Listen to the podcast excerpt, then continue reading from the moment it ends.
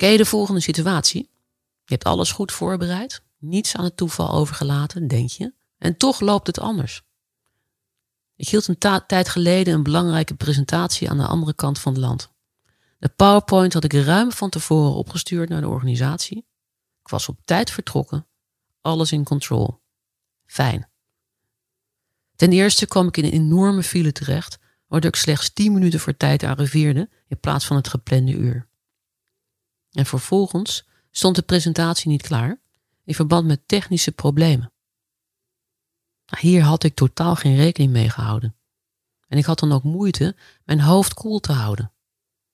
Ik zat met ten eerste druk te maken over het feit waarom ik uitgerekend die dag zo druk was op de weg en vervolgens boos maakte waarom de techniek niet goed was geregeld.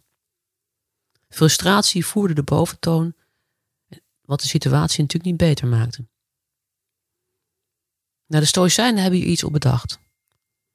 Namelijk het vooruitlopen op tegenslagen, waardoor je het effect van het moment, als het dan anders loopt, kan verzachten.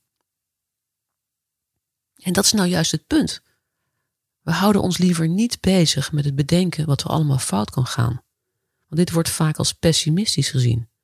Terwijl we weten dat dingen vaak anders lopen dan gedacht. Nou, nou het werk. Bedenk welke plannen en zaken er op je pad gaan komen. En bedenk vervolgens wat er allemaal fout kan gaan. En schrijf bij elk punt wat je dan gaat doen als het misgaat. En wat kan je tegen jezelf zeggen als het misgaat? Bijvoorbeeld in een file. Het ergste wat er kan gebeuren is dat mensen moeten wachten op mijn presentatie. En dat is niet het einde van de wereld.